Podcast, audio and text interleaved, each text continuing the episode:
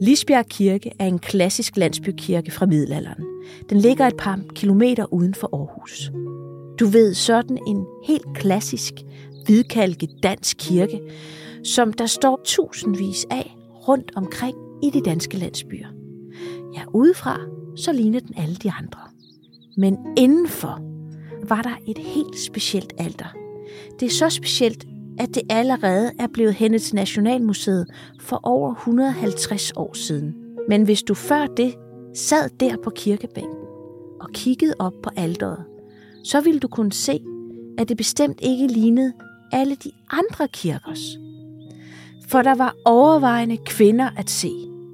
13 af slagsen, som prøvede det allerhelligste i Lisbjerg Kirke. Hvem er disse 13 kvinder, og hvad laver de på alderet i Lisbjerg Kirke?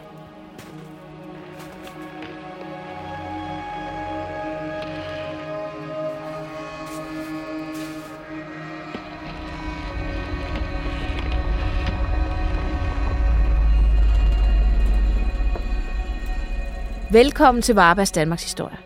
Mit navn er Jeanette Vareberg, og jeg er museumsinspektør, arkeolog og forfatter. Og i denne podcast vil jeg, sammen med nogle af Danmarks dygtigste historikere, arkeologer og eksperter, fortælle om de mest fascinerende ting i Danmarks historie, som du skal kende for at forstå det samfund, du lever i i dag.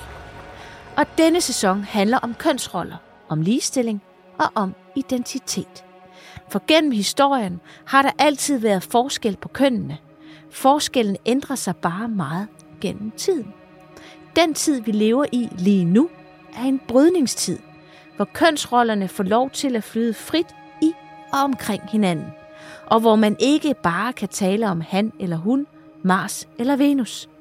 Det hele er kastet op i luften, og måske skal vi alle sammen til at tænke lidt ekstra over køn og ligestilling. Og hvad er bedre at lære af end historien? Jeg vil derfor kigge tilbage på kønnenes betydning gennem Danmarks historie. På de gode og de dårlige ting. Og måske især på de glemte ting. Privilegier har der altid været, men de har ofte skiftet ejermand. I dag har vi kvindelige ledere, men der er stadigvæk lang vej til toppen for os kvinder. For selvom der er nogen, der bryder igennem det berømte glasloft, kommer ind i toplederstillinger i bestyrelser og i regeringen, så er det stadigvæk sådan, at der er flere danske topledere i virksomheder, der hedder Lars eller Peter, end der er kvindelige ledere. Det er virkelig noget, man kan tænke over. Og der er stadigvæk ulighed på arbejdsmarkedet. Vi taler stadigvæk om at få ligeløn mellem mænd og kvinder, selvom man skulle tro, at vi var over det pjat for længst. Men kvinder, de fylder bare ikke lige så meget som mænd. Og det gør vi ikke af flere årsager. Og en af grundene, det kan vi kigge på, når vi ser tilbage i historien. Fordi det er stadigvæk sådan, at størstedelen af det historiske materiale, vi har mellem hænderne, det er skrevet af mænd, til mænd og om mænd. Kvinderne er bipersoner. De står i kolonner som hustruer, døtre eller mødre, ofte uden navn. De var simpelthen ikke vigtige, når man skulle tale om magt og erobringer af lande og alle de ting, som egentlig er med til at forme vores Danmarks historie og verdens historie. Men hvis vi ser efter, så er de der jo. Ofte har vi bare glemt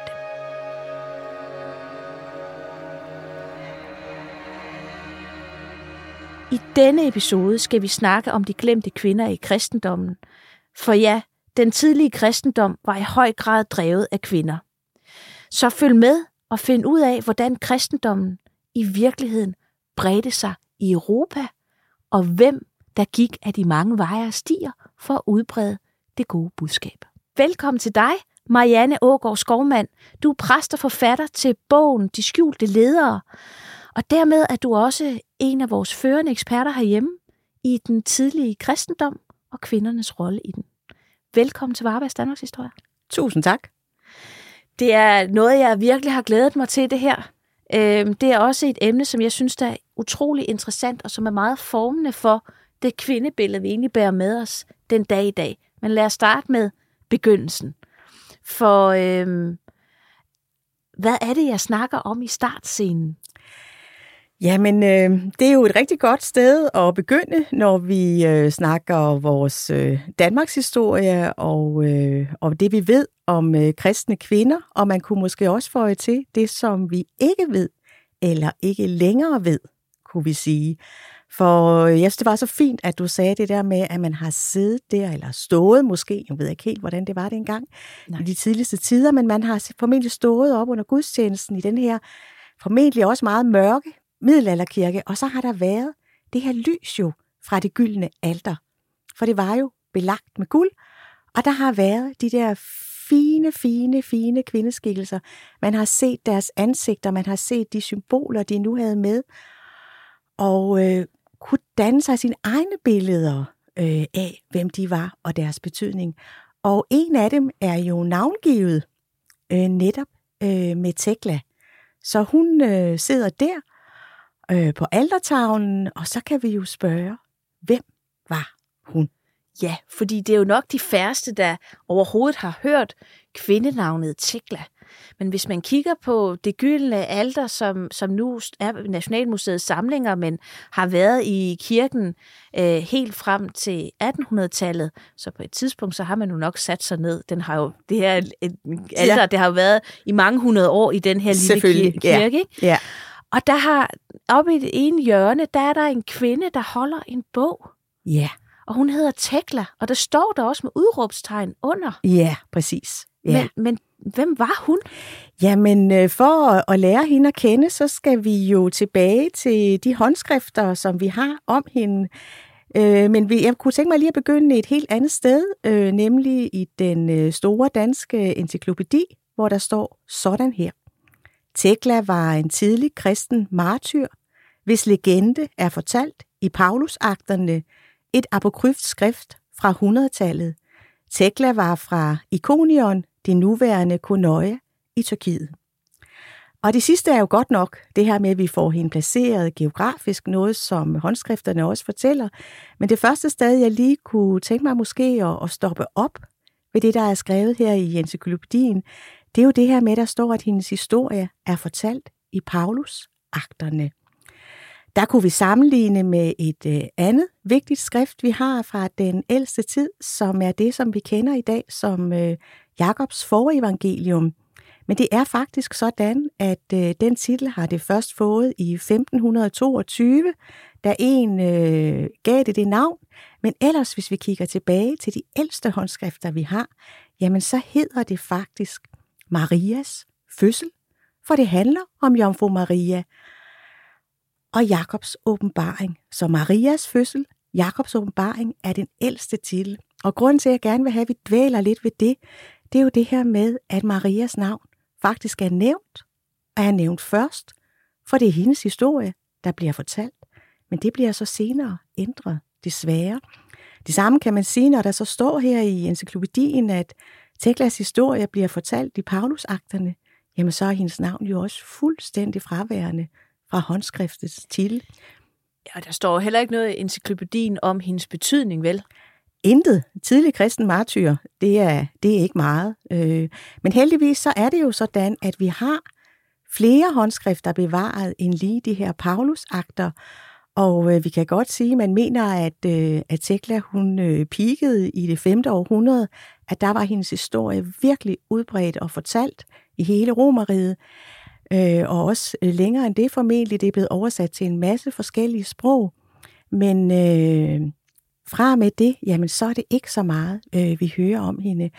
Og det, som så er så spændende, det er også, at hvis vi breder det lidt ud over de her Paulusakter, som jo er nævnt, i encyklopædien her, jamen så har vi jo for eksempel øh, håndskrifter ved navn øh, Teklas øh, liv øh, og Teklas øh, gerninger, altså hvor det er hende, der, der bærer håndskriftets navn, og vi jo så også hører hele hendes, kan man godt sige, ret enestående historie. Så hvis du fik muligheden, så ville du gerne ret lidt i den encyklopædi? Jeg vil godt få lidt til. og det er jo det, som vi kommer til at snakke om også ja. fremadrettet. Netop det her med, at øh, de meget betydningsfulde kvinder, som har været bærende for den tidlige kristendom, dem skriver man væk. Man Præcis. skriver dem ud, men redigerer dem ud, fordi, og erstatter det med mandsnavn. Ja, det er et, øh, ja, et faktum, simpelthen.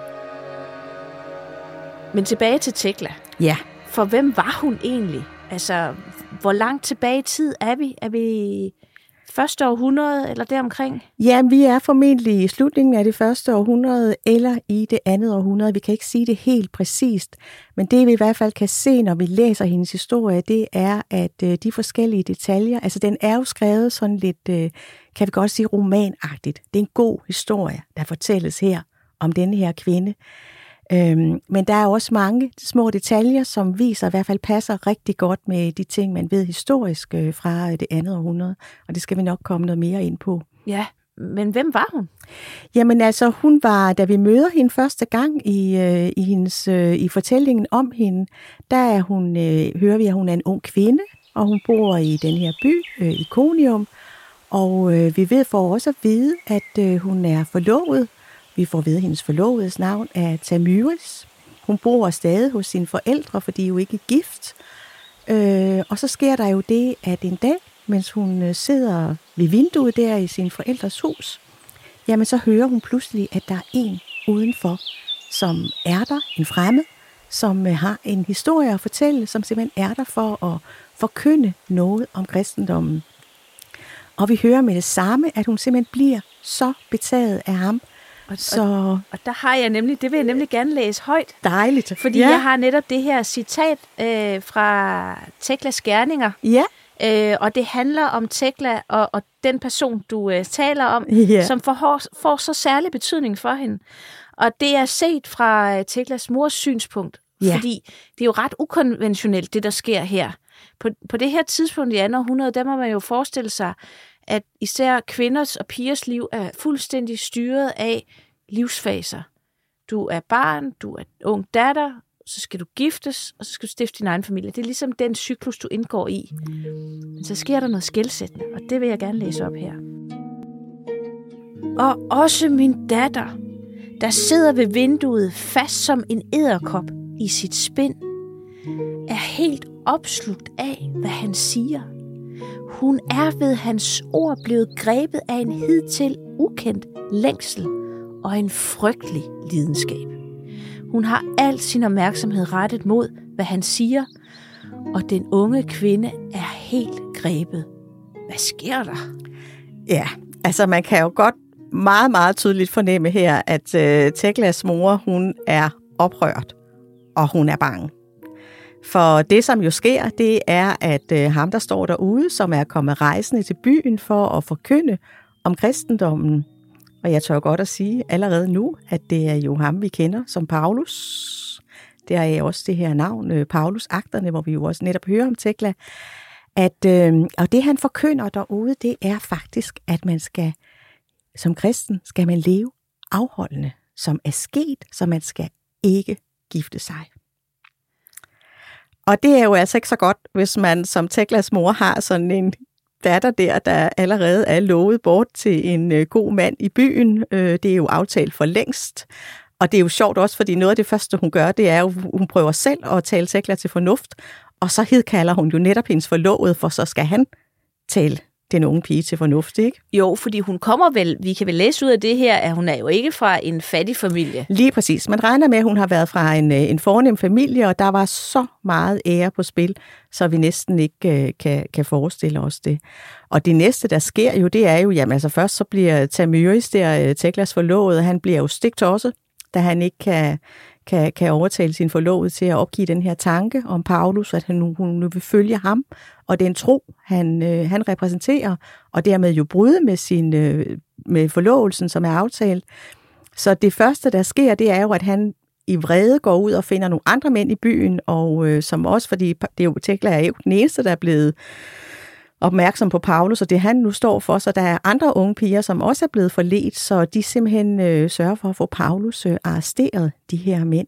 Øh, så det er det første, der sker. Ja. Og, og man skal jo lige huske på, fordi nu er vi i det allertidligste kristendom. Altså, vi har, har kun lige pillet Jesus ned fra korset, så at sige. Ikke? Ja. Så det er jo ikke den magtfulde øh, religiøse organisation, den bliver senere hen. Det er jo en, en, en lille sekt med nogle, altså man bliver jo nærmest beskrevet som, som tosser, ikke? Jo, det er i starten der, hvor vi ikke har den øh, etablerede kirke og så videre, og vi ved jo netop det her med, at, øh, at øh, den måde, som, øh, som kristendommen jo nåede ud på i hele Romeriet, det var jo med de her apostle eller udsendinge, som jo, som jo vandrede fra by til by øh, og forkyndte om øh, evangeliet. Og der var rigtig mange af romerne, som synes, at de her øh, sad, øh, jeg, jeg, jeg tror, han hedder, nu må du rette mig, hvis det er forkert, men, men Kelsus, Ja, som er, som er sådan en historiker og også en slags filosof, der er Ja. meget mod de kristne, ja. siger, de sidder og kvækker som frøer rundt om en- dam, og man forstår ikke, hvad de laver. Og så, så der er faktisk ret meget modstand på det her tidspunkt mod de kristne. Det er der, og vi hører jo også, at øh, altså Paulus for eksempel, og også andre, øh, også kvinder, blev fængslet for deres tro, øh, simpelthen. Så, så der, det var alvor, det her. Og, og, og der bliver jo så også en, øh, en, øh, hvad hedder det, en, en rettergang der, og det ender jo simpelthen med, at, at Paulus han bliver vist bort fra byen. De vil ikke, øh, de vil ikke have ham. Men hvad gør Tekla så? Hun sidder der som en æderkop i sit spind. Ja, og Bliver så er hun siddende? Jo, nej, det gør hun jo nemlig ikke, fordi øh, der er jo noget på spil her for hende, ikke? Så hun bryder ud af det der jomfrubur, og øh, hun tager jo hen i fængslet, øh, og da hun kommer derhen, så er Paulus allerede væk, og så sidder hun der og græder på, på jorden der, hvor, hvor han har været, og er fuldstændig opslugt øh, af ham. Og så ender det jo så med også, at øh, hun overværer den der fordi de har jo sådan en, øh, en rettergang imod Paulus, og der er hun også til stede og bare sidder og, og stiger fortabt øh, på ham der. Og så ender det jo simpelthen med, at, øh, at de bliver så... Ja, Paulus bliver sendt væk fra byen, og, øh, og moren der står, står jo simpelthen frem, altså Teklas mor, og siger, at øh, hendes datter skal på bålet. For det, som er sket, at det er så alvorligt, det hun har gjort, og hvis ikke hun vil opgive tanken om Paulus og gifte sig med Tamyris, jamen så skal hun straffes med ilden. Og vi hører, de lave samler til det her bål, og det er jo så øh, dramatisk. Det er voldsomt. Det er meget voldsomt. Ja. Og der skal man også lige sige det her med, at man tror, at, at det er senere op i tiden i 1600-tallet, man brænder heks af. Altså romerne brændte stort set, hvem de kan komme i nærheden af, af hvis altså, det passede dem. Der skete jo lidt der. Ja. der røg nogen ja, i farten, ja. Øhm, så, men altså hun, øh, de er ved at samle brænde ind til bålet, og hvad så? Ja, jamen, og Tekla må også stige op på bålet, ikke? og så er det jo heldigvis sådan, at øh, så griber Gud jo ind øh, i den her fortælling, som det vi hører det, og, øh, og sørger for at sende regn og torden, så bålet simpelthen ikke kan brænde. Så Tekla bliver reddet, og så forlader hun jo byen og opsøger Paulus, øh, og siger jo så bare, jamen altså, det er jo, det er jo ham, hun vil følge. Og, øh, og så går jo historien jo videre, fordi den næste by, de kommer til, der sker der jo det, at der er ham, der hedder Alexander, som er sådan en mægtig mand i byen, og han forelsker sig i Tekla. Hun må have været alligevel lidt dejlig at se på, tænker jeg. Det har hun garanteret været. Ja. Når, der sådan, når de falder på stribe derhen De faldt på stribe, og ja. hun, Men måske var det også, fordi hun ikke ville have dem. Det kan også være. Men i hvert fald, så, øh, så bliver Alexander der, han bliver jo simpelthen så vred, så, øh, så hun skal straffes for, at hun takker nej til det her ægteskabstilbud. Og øh, så bliver hun jo simpelthen sendt øh, i arenaen og skal kæmpe imod øh, de vilde dyr. Og det er jo på det her tidspunkt, hvor, hvor arenaen, som bedst kendt, Colosseum kender man for dem, der har været i Rom. Ja, Og det var det sted, hvor, hvor romerne, også ude i provinserne, blev underholdt. ja. Og, og det kunne være ved gladiatorer, der var slaver, der, der kæmpede mod hinanden og mod dyr, men man kunne også smide mennesker for de vilde dyr. Så sad man der, ikke med popcorn, der havde man ikke dengang, men noget andet, kylling på spyd, og, og et glas vin, sur vin i hånden til billig pris. Mm-hmm. Og så sad man ellers og kiggede på, at øh, dem, der var blevet dømt, de blev smidt for løverne. Det er også lidt voldsomt, altså hun siger nej til en date, ikke? så ender hun i for løverne. Ja, det, der er vi jo heldigvis et andet sted nu, ikke? Men, øh, og det, som man jo også lige skal have øh, med i baghovedet, det er jo det her med, at det var jo en del af det var underholdning, men det var jo også opdragelse, at øh, romerne jo ville, at øh, I kan jo se her, hvordan det går øh, for dem, der ikke retter ind, om jeg så må sige. Så der var jo også et meget, meget vigtigt ting der i, i de her voldsomme afstraffelser. Og det er jo øh, så spændende og øh, at læse om, øh, hvordan det går for Tekla der. Fordi noget af det første, der sker jo, det er, at hun bliver bundet til en øh, ung hundløve, hører vi. Og bliver så ført ind øh, på arenaen der. Og det, som jo faktisk sker så, det er, at denne her hundløve angriber hende ikke. Og øh, så hører vi jo også jo det her i, i fortællingen, at øh, kvinderne, de sad der og så øh, på Tekla, og så på det, der nu foregik.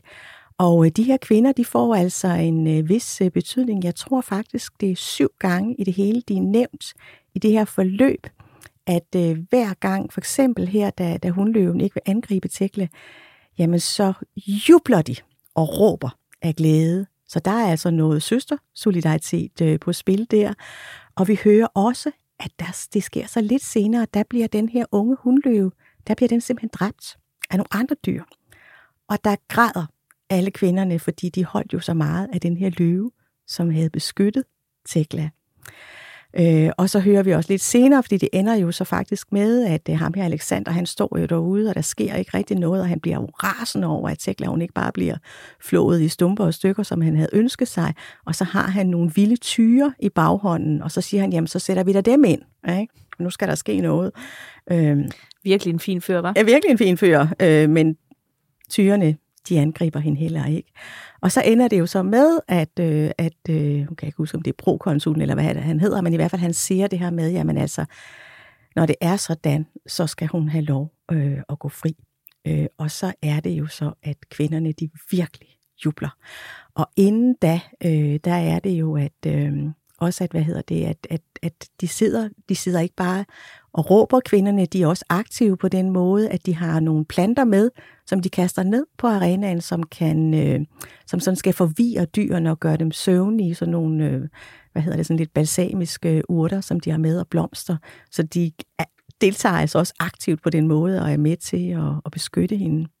Det er måske også fordi, at hun, hendes skæbne skulle være til skræk og advarsel for de andre, men, men, men de kvinder, og de kunne måske lige pludselig se øh, en mulighed for at gøre et lille oprør imod at være totalt underlagt mandens vilje på den måde. Ja, og det kan man i hvert fald sige, at øh, det er det, der sker her. Og jeg ved ikke, om vi lige kunne læse det der øh, citat, for det er så flot øh, jo, om lad os kvinderne. Gøre det. Ja. Så er vi altså der til slut under kampen. Alle kvinderne brød ud nu i et vældigt råb og som med en mund gav de deres bifald med ordene, der er en Gud, ham der har frelst Tekla. Og kvindernes råb var så stærkt, at det rystede hele byen. Men, men Tekla, hun overlever så? Ja, så Tekla, hun overlever jo det her. Øhm, og der er sådan en ja, men sådan meget, meget smuk passage her også, øh, som man nogen mener måske faktisk har, har indgået for de her martyrberetninger, som, som det jo er en, en del af en martyrberetning, selvom Tekla hun ikke øh, ender med at må lade livet, selvom hun overlever. Der er sådan meget, meget smuk øh, linjer, hun udtaler øh, i forbindelse med det her med, at hun er blevet frelst og takker Gud, den levende Gud, som hun siger, som man faktisk mener måske har også har været en del af den øh, oldkirkelige gudstjeneste, af de ord her fra, fra Teklas mund. Så hun overlever Tekla, øh, og så er der jo sket det, at hun, øh, det har været sådan en langvarig proces, øh, og der er så sket det, at hun har fået en velgører, en kvinde, som er en fornem kvinde, der hedder Tryfenia, og øh, allerede, øh, altså inden, inden at Tekla har været i kamp, der har hun faktisk fået lov til at bo hjemme hos Tryfenia. Og der hører vi så også lige, der bliver sagt den her lille sætning, at det skete for, at Tekla måtte forblive ren. Og vi ved, at en af, den må, en af de måder, som man kunne straffe kvinderne ekstra på, når de ventede på at komme i kamp, så i stedet for at sætte dem i fængsel, så overgav man dem til prostitution. Så det kan være, at det er lige det, der bliver fortalt her, at man simpelthen vil bevare det rene ved Tekla, at hun får at kommer hjem og bo, som hun bliver, det bliver faktisk hendes, så hun bliver omtalt som hendes adoptivmor. Så hun kommer hjem til hende efter kampen der, og øh, så sker der faktisk det, at øh, Tekla hun så omvender den her adoptivmor og hele hendes husstand til kristendommen.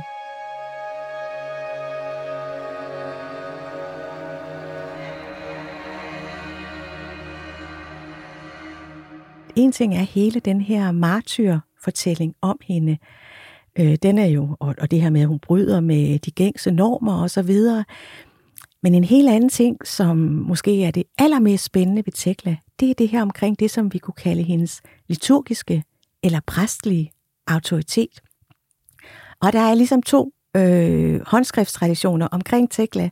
Det ene det er så det her, som hedder Teklas gerninger, og det andet, som er længere, det hedder Teklas liv. Og de fortæller sådan set den samme historie, men Teklas liv er bare fire gange nogenlunde så lang som den anden, men altså med samme forløb, bare med flere detaljer. Og nogle af de detaljer, der er, det er for eksempel her, hvor hun er i adoptivmorens hus, og vi så hører i gerningerne, at, øh, at hun så øh, omvender, altså underviser og omvender mange til kristendommen, men som der bliver sagt, det er kun kvinderne, hun taler til. Mændene bliver ikke nævnt. Men i den længere beretning, der hører vi faktisk, at Tekla, hun døber dem. Så, og det er både kvinder og mænd. Og det er sådan set noget, der går igen i den længere version af fortællingen om Tekla. Og jeg skylder også lige at sige, at, øh, at mens hun er der i kamp øh, på arenaen, der er sådan en meget voldsom scene, hvor hun ligesom tænker, at nu er alt ude. Øh, og så er der sådan et kæmpestort bassin med nogle farlige havdyr. Og igen, så er der nogen, der det, det er lidt forskelligt, hvordan håndskrifterne gengiver dem. Nogle steder står der sæler og menneskeædende sæler osv. Men vi ved rent faktisk fra historien, at de havde sådan nogle store vandkar inde med, med nogle havdyr Det havde i. de nemlig, ja. ja. Så lige hvad det har været, det, det kan vi ikke sige. Men i hvert fald så gør Tekla det. Hun kigger sig desperat omkring, tænker nu er det ude med mig, nu dør jeg. Men inden da, der vil jeg døbes. Og så råber hun, jeg døber mig selv, og så dykker hun ned i det her vandkar med havdyrene, som jo selvfølgelig angriber hende. Så der døber Tekla sig selv. Og den passage, den har vi stadigvæk i det skrift, der hedder Teklas Gerninger, hvor man ikke gør noget ud af hendes præstlige autoritet. Men hvis vi ser på, der, så der får hun lov at døbe sig selv, men hvis vi så sammenligner med den her beretning, Teklas liv, jamen der går hun så direkte, havde jeg sagt, hen og døber sin adoptivmor og hele hendes husstand, kvinder som mænd. Så vi har virkelig en, en kvinde her, som har en ekstrem, øh, altså virkelig dramatisk historie. Som, Meget i, sig, dramatisk, som ja. i sig selv kunne være, kunne være stor, nok, øh, stor nok til at, at huske hende. Men, men der er så også hele hendes betydning for den tidlige kristendom.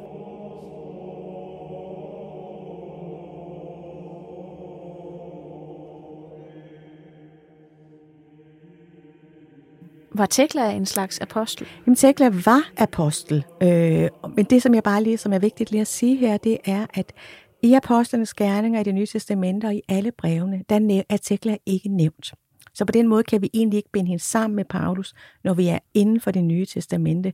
Men alligevel har vi altså et skrift, der fortæller om, at hun rejser rundt sammen med Paulus.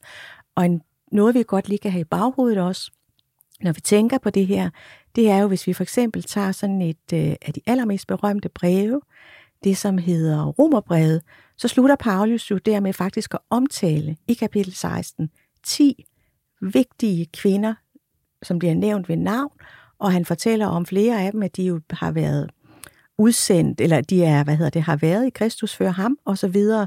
Så der var altså aktive kvinder, men Tekla er ikke nævnt der, men altså kun i Teklas gerninger, hvor vi så hører om hendes, øh, hendes, at hun faktisk fra, at hun bliver reddet, jamen så sender Paulus hende ud selv. Ja, fordi det næste, jeg gerne vil spørge dig om, hvad bliver Teklas skæbne? Altså, vi kan jo høre for det, du siger, øh, at, at hun øh, ikke er nævnt i det nye testamente, men Præcis. alligevel, så får hun jo en indflydelse. Hun får en kæmpe øh, betydning, øh, hun, og, hun, øh, og det som vi så igen, og der er det så igen helt utroligt spændende at sammenligne de der to, kan vi sige, retninger inden for håndskrifterne.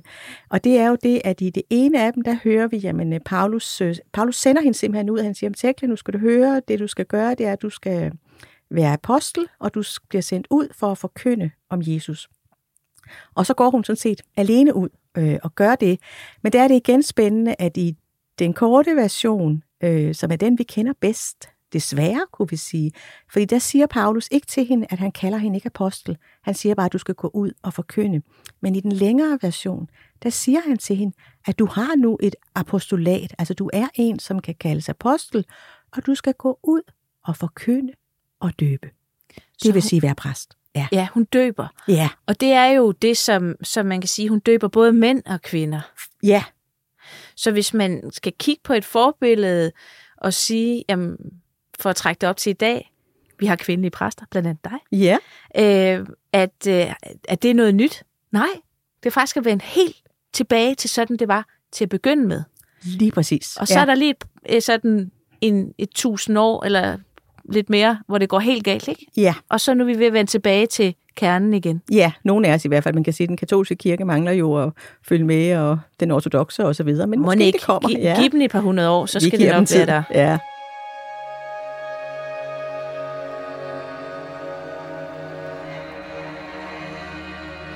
Men jeg vil gerne også lige fortælle om slutningen på hendes liv. Ja, jeg vil gerne. Se, ja, fordi der er det jo det der igen med de her to forskellige traditioner, der er om hende. Det aller sidste, hun gør, hun bliver faktisk meget gammel.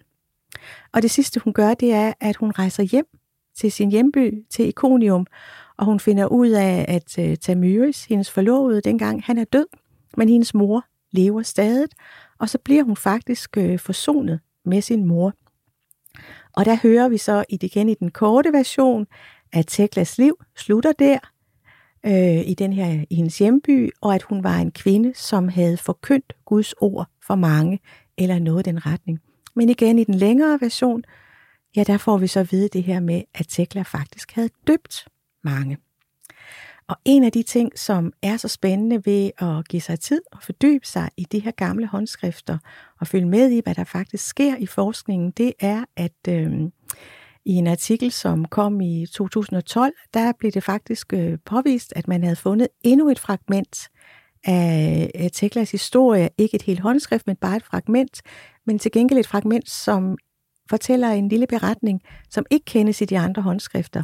Og i det lille fragment, der står der faktisk lige præcis, at Tekla møder en hvis, øh, kvinde, hvis datter er syg, og så døber Tekla det her barn. Så der er simpelthen også en, øh, en fortælling konkret, altså en konkret beskrivelse af en situation. Hvor hun døber. Ja, Ja. præcis.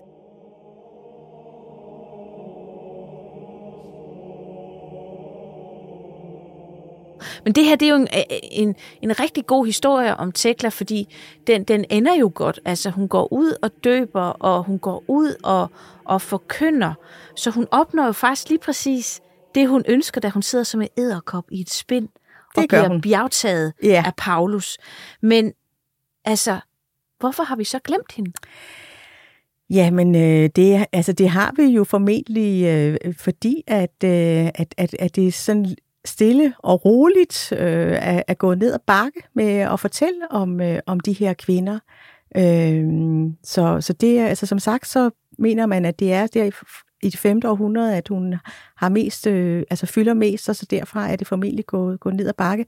Men hun er jo stadigvæk blevet læst, øh, at der er rigtig behovs håndskrifter fra det 10. og det 12. århundrede på forskellige sprog, så, så, hun, så man har stadig haft mulighed for at læse hendes historie. Er hun den eneste, vi har glemt, eller er der flere? Nej, hun er jo desværre ikke den eneste, kan vi sige. Øh, der er rigtig mange. Øh, der er rigtig mange, og der er jo også øh, nogen, som i, i- er inden for Bibelen, inden for det nye testamente, som har måttet foretage ufrivillige kønsskifte, og, øh, og så er der det jo bliver du lige nødt til at uddybe. Ja, men øh, det er jo det her romerbrev, som Paulus jo skriver, og hvor han i kapitel 16 øh, jo nævner 10 kvinder. Men hvis du kigger i din øh, danske bibel, den øh, autoriserede oversættelse, som vi kalder den, den som vi bruger i kirken, jamen så i den fra 92, der står der jo altså om ham her, Junias. Og det fandt man jo altså ud af, hvor Junias bliver omtalt som, som en af Paulus' medarbejdere, og en, der har siddet fængsel sammen med Paulus og så videre. Men det er jo faktisk sådan, at øh, Junias som mandenavn ikke var så udbredt igen i antikken, så det er simpelthen et kvindenavn, der står her. Så vi altså, når vi tæller alle navnene med, så, så kommer vi frem til 10 navne. Så, hun har, så det er ikke Junias, men Junia. Det er simpelthen en kvinde, Paulus fortæller om der, men når vi kigger i vores danske bibeloversættelse, så tror vi fejlagtigt, at det er et mandenavn. Ja. Og det er jo ret fatalt, når vi tænker på, at vi ikke har så mange beretninger om kvinder, så skal vi da være omhyggelige med vores oversættelser. Det er så også blevet rettet i den nye Bibelen 2020, heldigvis. Men der er jo også en anden, som vi har, vi har glemt, som jeg selv øh, synes er meget, meget spændende, nemlig Maria Magdalena. Ja, yeah. jamen hun er jo, altså hun er jo på mange måder den mest, øh, den, den næsten, ja måske den allervigtigste, når vi kigger i, i kvinderne øh, i Bibelen. Og det er jo ikke bare noget, som, som, jeg, eller som du og jeg kan sidde og snakke om, fordi vi synes, hun er spændende, men det er jo simpelthen, når vi kigger på de steder, hvor øh, hun er omtalt, jamen så bliver hun, det er ikke så mange gange, hun er nævnt, men hun står først. Der er et sted, hvor hun må vige pladsen for, for Jesu mor Maria, fordi Johannes evangeliet vil trække hende frem. Men ellers, så når de bliver omtalt, de her kvinder, så nævnes Maria Magdalene først. Det samme kan vi, hvis vi sammenligner med de mandlige disciple, jamen så er det jo også altid Peter, der nævnes først. Det er en hovedregel. Så Maria Magdalene, hun har været en slags øh, chef-disciple øh, for, for, for gruppen af kvinder, og blandt disciplen i det hele taget. Og der går jo heller ikke øh, ret lang tid, jamen så kommer de jo op og skændes, hende og Peter. Det kunne ikke være anderledes. Det er så i de her såkaldte apokryfer, vi har det.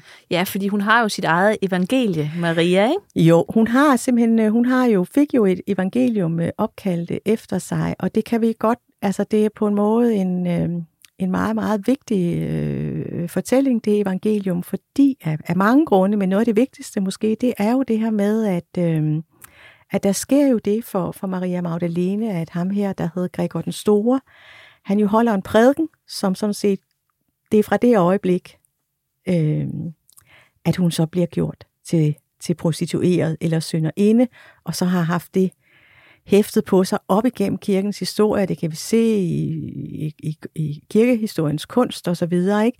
Men hvis vi kigger i det nye testamente, så står der intet om, at hun skulle være prostitueret. Og så er det jo altså her i 1896, at der er en tysk øh, officer, som samtidig har kendskab til, øh, til antikke sprog. Han finder det her håndskrift øh, på et antikvitetsmarked i Cairo, køber det, sender det hjem til det egyptiske museum, der sidder Karl Schmidt, som var egyptolog og koptolog og kunne læse det her håndskrift. Og så er det jo der, han åbner det og finder Maria Magdalenes evangelium. Det her med, at der var forskellige evangelier, som ikke kom med i Bibelen, det kender vi jo rigtig mange eksempler på. Thomas evangeliet, Philips evangeliet, og så videre. Der er mange at nævne. Men man, man kan jo sige, at Bibelen, det nye testamente, er blevet hårdt redigeret efter, hvilken retning af kristendommen man gerne vil, vil øh, fortsætte med. Sådan har det været, ja. Ikke? Men det, som er så, så, så bemærkelsesværdigt, og på en måde ikke så overraskende, men som virkelig skal holde os for øje i forhold til Maria Magdalenes evangelium, det er det her med, at for eksempel Thomas evangeliet, de blev jo, de blev jo gravet ned, de her håndskrifter i det 4. århundrede, og så forsvandt de jo.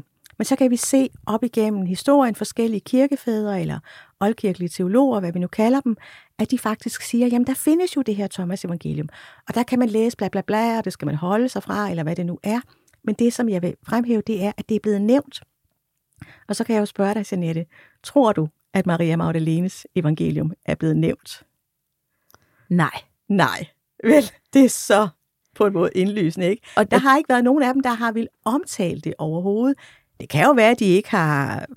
Jeg vil sige det sådan, og det er jo ikke den eneste, der mener, det er simpelthen blevet tid ihjel. Og tænk, hvis det aldrig var dukket op på det her antikvitetsmarked. Og siden har man jo så fundet ud af, at vi har ikke kun én version, vi har faktisk også nogle græske stumper, som viser, at det har været haft en vis geografisk udbredelse i Ægypten og så videre. Ikke? Så der har siddet nogle kirkefædre, lad os kalde det det. Jeg kan bedre lige at kalde det oldkirkelige teologer, for jeg så vi undgår det der ord fædre. Ja, det er fint. Oldkirkelige teologer, Godt. som gerne vil holde kvinderne ude af det her. Kvinderne har fået meget magt i, den, i oldkirken, da det var en lidt, jeg plejer at kalde det en aktivistisk sekt, ja. øh, hvor, hvor man var ude på vejene, ude at udbrede det gode øh, budskab, samtidig med, at det var meget farligt faktisk. Det var det, ja. Og der havde kvinderne stor, stor indflydelse, og også omkring Kristus, Jesus, var der mange øh, kvinder, som havde stor indflydelse, blandt andet Maria Magdalene. Præcis. Og ja. i det øjeblik, at, at øh, paven Gregory den Store i den der berømte prædiken, tager en af de højst placerede omkring Jesus med størst indflydelse, men som er kvinde, som kirken vil slippe af med og gøre hende til en skøge, ja. så lukker han jo porten fuldstændig for kvindelig indflydelse de næste tusind år mere. Det er det, der sker.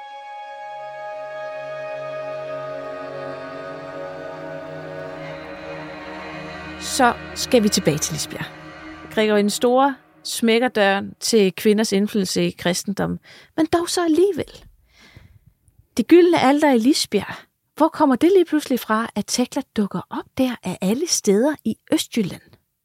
Ja, men det er jo altså dybest set en kæmpe gode, ikke? fordi øh, mig bekendt er det det eneste sted, hun er på nogen altertavler. Vi har ikke, vi har jo så mange forskellige kalkmalerier, også i de forskellige kirker fra den tidlige tid der, øh, men, øh, men ingen fremstillinger af Tekla, så vidt vi ved. Det kan jo også være, at der, det kunne jo være, at der var noget et eller andet sted henne, som var, var blevet fejltolket. Det kunne jo være en mulighed. Så vi skal kigge efter løver i kirkerne? Vi skal kigge efter løver i kirkerne og de fremstillinger, der nu er. Ikke? Øh, så det er da i hvert fald en mulighed. Men vi har heller ikke nogen, øh, altså heller ikke nogen eksempler på, at hendes øh, fortællingerne om hende er blevet læst derhjemme. Så det ved vi ikke. Men altså, folk kunne jo læse latin, og de var jo oversat jeg ved ikke, ikke alle kunne, men eliten kunne, ikke? Det er jo en rigtig god fortælling om Tekla. Ja. Altså, du har jo taget os igennem en meget, meget spændende og dramatisk historie. Så måske kunne det jo være, at øh, kvinderne i Østjylland godt kunne lide Teklas fortælling, og måske havde lidt indflydelse. Altså, selve det gyldne alter er jo fra 1100-tallet. Ja. Og det er jo ikke så lang tid siden egentlig, at man gik over til kristendommen. Øh, man er stadigvæk i den, øh, i den tidlige middelalder og så videre, så, så måske har man i virkeligheden bare været glad for at høre om nogle kvinder på det her tidspunkt. Ja, altså det der, og, og jeg synes også, man skal holde sig for øje, når man kigger på det alder, det her med, at altså også de scener, der er fra, fra Jesu mor, øh, Marias liv, hvordan hun bliver dør og bliver taget op i himlen, som der jo er øverst op, så vidt jeg husker ikke på alderet. Altså det er det er et meget feminint alter, simpelthen. Og derfor vil jeg også gerne tage dig videre hen øh, og, og, og, og brede det her lidt mere ud. Fordi du siger netop et feminint alter. Ja. Øh, og, og, og kristendommen for mange står måske som en meget mandsdomineret religion, også når man kigger på, på den katolske verden. Altså, det er jo blevet lavet lidt om heroppe efterhånden, men øh, i, i Norden, hvor vi trods alt har kvindelige præster rundt omkring, det Absolut, har man ja. stadigvæk ikke i den katolske kirke endnu. Der er dog, har jeg set, en kardinal i Sydtyskland, der er begyndt at pipe om, at det måske godt kunne være en god idé ja. at, at lade kvinder være med i. Det er i, så spændende, altså i, den øh, udvikling der. Ja. ja. ja. Men lad os nu lige prøve at lave sådan en kvindetidslinje i forhold til kristendommen. Ja. Fordi det er jo gået lidt op og ned med, hvor meget indflydelse kvinderne har, har, har, har haft. Hvis vi nu starter med tiden omkring Jesus. Ja. Jamen altså det, som, som vi jo kan se, øh, og, det, og det var jo simpelthen øh, altså Jesu budskab helt generelt, at han jo øh, øh, talte til alle, helbredte alle og accepterede alle. Alt det, han stod for, det var jo netop, at alle havde værdi. Og øh, der er ingen tvivl om, at som du selv har sagt, øh, kvinderne de var der omkring ham, og de havde betydning. Det kunne vi sige rigtig meget om.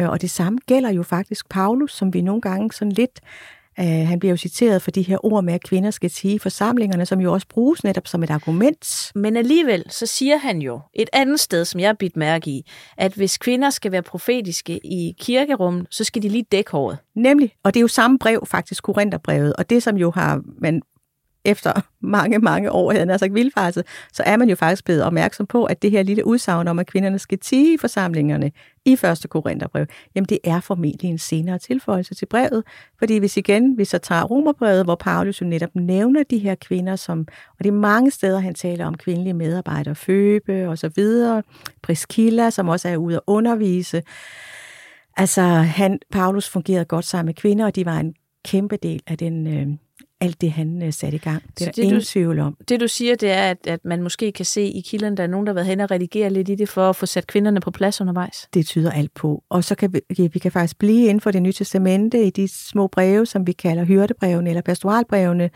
øh, hvor vi blandt andet til første Timotius brev, hvor vi netop har sådan en overskrift som til kvinderne, gift jer, fød børn og vær gode hustruer. Tak. Og den fanger Luther jo så senere med, med fuld hammer, ikke?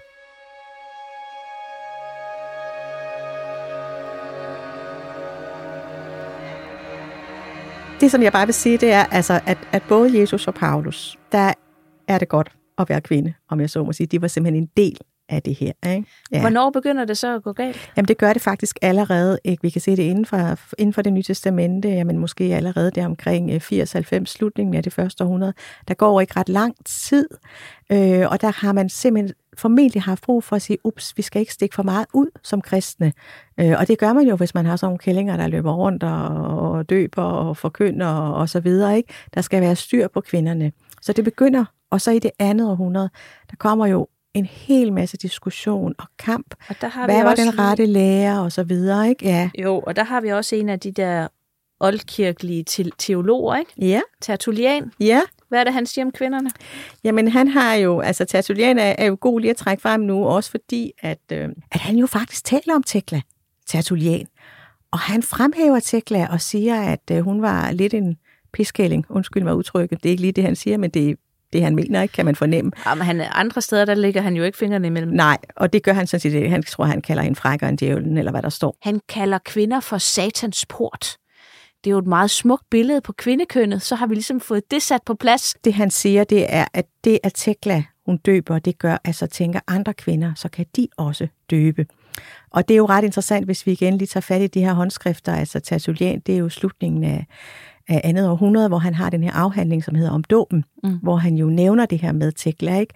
Så det passer meget godt med, at det er altså ikke noget, man har fundet på senere, at hun døbte. Det har hun gjort. Men og så er det, de begynder at lukke hullerne. Og så begynder de at, at lukke hullerne lige præcis. Så, så Tertullian øh, er en, øh, en af dem, som, som øh, for at komme frem til det, som han så vil kalde den rette læger, eller den sande læger, så skal kvinder, så skal der også øh, lægges øh, låg på dem. Og i 300-tallet, så kommer Konstantin den Store jo ind, og fra at være sådan en lille sekt, der bobler rundt omkring i Romeriet, så går det jo hen og bliver den favorable tro, som kejseren ligesom øh, favoriserer. Ja, præcis. Øh, og, og der er det også, man begynder at lukke kvinderne ned, ikke? Ja, præcis. Der, der sker det sådan for alvor, ikke? Jo, øh, at så, det har, har man brug for, ja. Og så har man i, i 500-tallet, der, hvor, vi, hvor vi snakker om Gregory den Store, der gør Maria Magdalene til en skøge. Ja. Så har vi hende fjernet. Ja. Og så middelalderen, der, hvordan sker der så, hvad sker der der?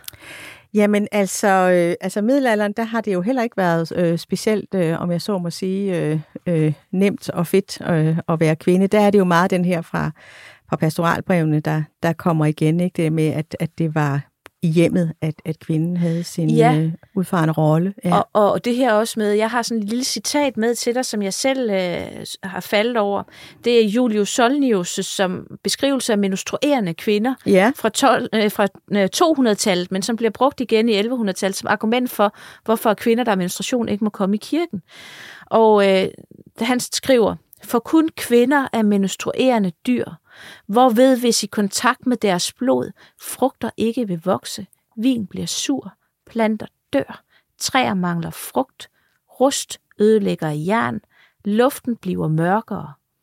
Hvis hunde spiser blodet, bliver de vilde af vanvid. Så er det ligesom slået på plads. Ja. Bliver det bedre med Luther?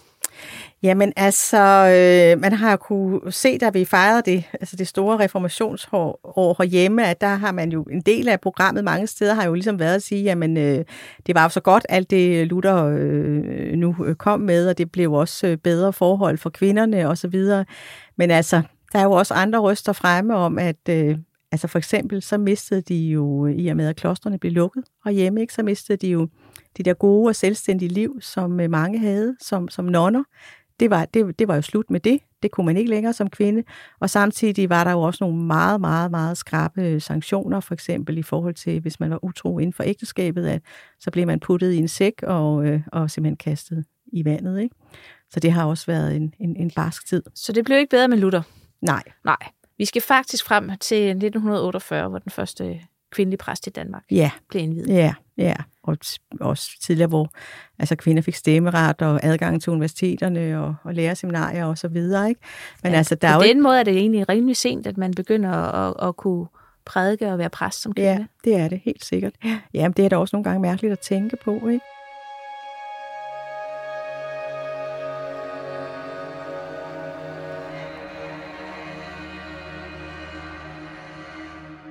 Så det vi ligesom øh, har været igennem i dag, det er jo historien om Tekla, som rent faktisk viser, at øh, her har vi altså en kvinde, som, som, som gik i samme, sammen med den berømte Paulus, som vi alle sammen hører, hvis vi går i kirke om søndagen, eller i hvert fald til jul.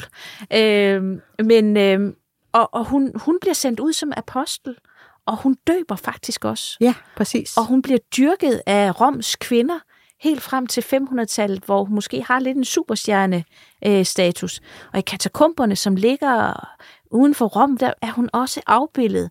Men hvad fortæller Tekla os i dag?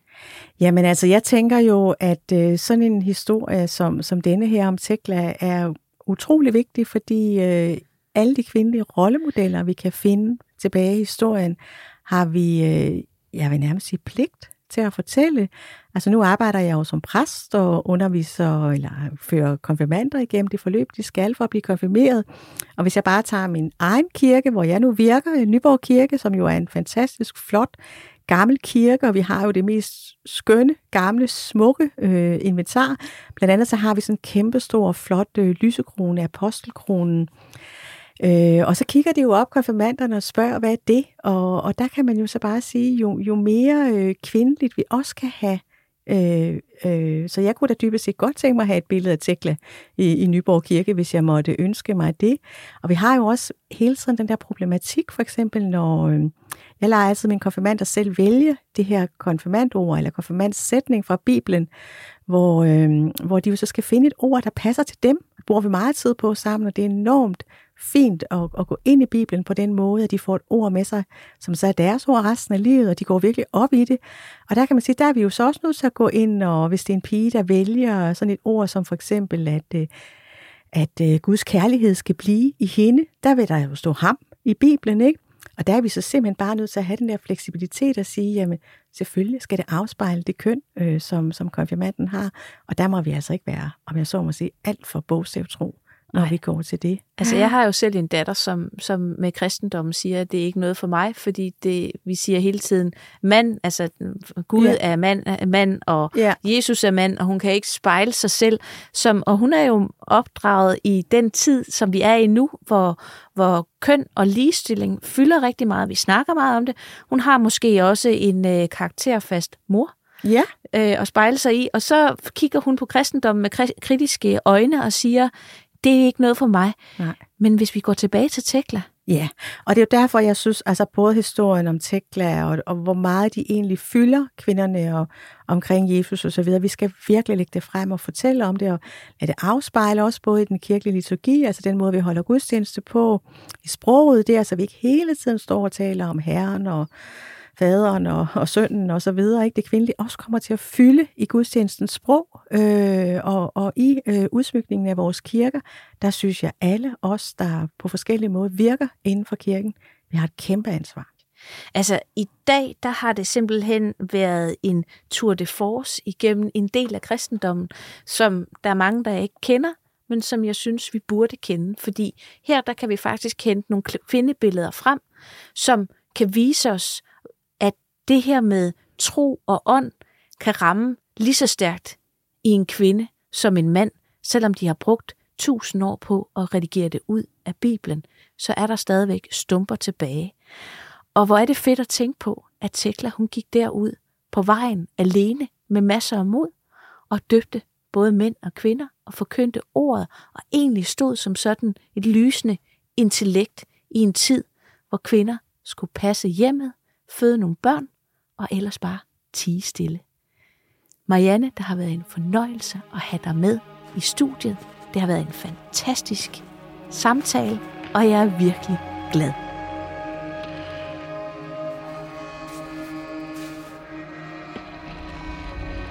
Mit navn er Jeanette Warberg, og du har lyttet til Warbergs Danmarks Historie, produceret af Jule Brunse for Vores Tid og 24 /7.